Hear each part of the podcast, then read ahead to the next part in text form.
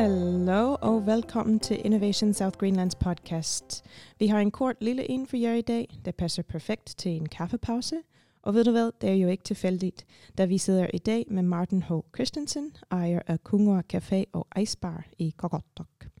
Vi taler kvalitetskaffe, vi taler branding, vi kommer lidt ind på produktudvikling. Det skal nok blive godt. Martin, fortæl os om din café og inspiration bag den. Ja, jeg har startet Gungwa Café og Ice Bar i Rarotok. Og øh, mit firma, eller min café, sælger ting, som jeg selv holder meget af. Øh, produkter, som jeg elsker. Og det er kaffe og is. Jeg interesserer mig virkelig meget for kaffe, produktion og resteri og hvordan det bliver malet, og hvordan det bliver produceret, og hvordan man får det bedste ud af, en, af den bedste kaffebønne.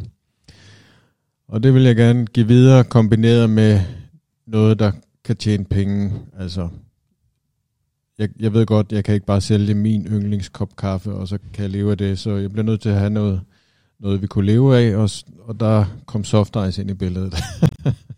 vi producerer Grønlands bedste soft ice, og det, jeg tror, altså det er selvfølgelig en påstand fra min side, men der er mange af vores kunder, som er kommet fra Nuuk i sommer, som har sagt, at den soft ice, vi har her, den er meget bedre end det, de kan få i Nuuk. Og øhm, ja, og det, det begyndte at betyde noget for mig, at vi har et, det bedste. Det skal ikke være det bedste, men det skal være det bedste, jeg kan tilbyde i hvert fald, øh, når det kommer til is og kaffe.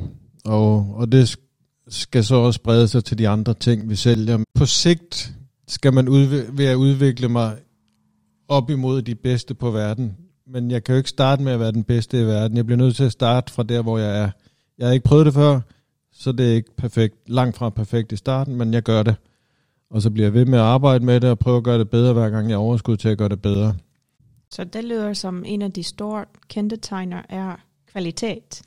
Ja, kvalitet på de ting, som jeg brænder for, men altså for eksempel også, da vi startede sandwich op, vi har så også lagt noget kærlighed i, i de sandwich faktisk. Altså vi laver hjemmelavet syltet rødløg, vi har lavet hjemmelavet øh, hummus, og, og jeg har bestilt øh, kvalitet kylling hjem, som vi selv skal op, i stedet for at købe det i strimler og så videre. Så, så vi prøver på at løfte niveauet.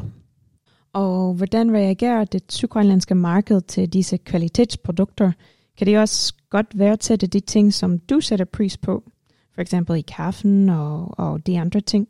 Jeg fornemmer, at kunderne de har fanget den kvalitet, vi ligesom har prøvet at ramme. Og vi kunne måske gøre noget mere ud af at fortælle historien om vores produkter, og hvor meget vi faktisk gør ud af at få et high-end produkt ud til, til vores kunder. For eksempel at vi filtrerer alt det vand, vi bruger til vores kaffeproduktion, både i espressoen og, og til vores filterkaffe at det kører vi igennem sådan en kulfilter, så vandet øh, er helt rent i smagen. Der er ikke nogen smag, vandværks bismag i kaffen. Øhm, jeg kunne også godt brande, at, at vi, det med, at vi har den bedste soft ice, fordi vores øh, soft ice ikke er pasteuriseret, den er frosset ned, og derfor har den en mere flødeagtig konsistens. Og vores øh, isleverandør er en lille lokal øh, mejeri i Nordjylland, som er utrolig populært øh, lokalt og blandt turister. Og, og øh, vores brød for eksempel til sandwich er vegansk og produceret øh, med mel uden stråforkort. Og, og det er produceret hos en lille producent i Danmark, som, som gør meget ud af at have et højt kvalitetsniveau. Og, altså jeg tror, at kunderne kan jo godt smage, at kvaliteten er høj, men jeg kunne godt gøre noget mere ud af at fortælle, hvorfor den er høj, så, så folk forstår det. Altså der er jo, det er en stor trend derude, at folk, altså for det første vil gerne vide, hvor deres mad, hvad de sætter ind i deres krop, kommer fra, men de vil gerne også designe en stempel på, når det er vegansk, eller den er lokalt produceret. Øhm, det betyder meget for mange. Jamen, det gør det. Har du, har du oplevet noget, hvor folk har ikke rigtig grebet an på noget nyt, eller? Når man indfører et nyt, ikke så kendt produkt, så er det utrolig vigtigt at fortælle historien om det, og, og ligesom udbrede kendskabet til det. Jeg har fundet en øh, limonade i, hos min grossist øh, i Danmark, og det er en økologisk limonade, som er lavet på Bornholms Mosteri. Øhm, den, den er meget, meget lækker. Meget sød også. Men øh, når vi sælger en sandwich, så jeg spørger om folk, vil, vil du have noget at drikke til din sandwich? Og de siger, jamen, hvad har du? Så siger jeg, vi har limonade. Så siger de, ej, det er lige meget. Susa. de gider ikke have limonade. Og jeg tror, det er fordi, at man er ikke så bevidst om, hvad, hvad det er. Altså, hvis man ikke har fået limonade før, eller ikke kender så meget til det, så er man sådan, jamen limonade, hvad, hvad er det for noget? Altså, hvis de ikke ved, hvad det er, gider man ikke have det.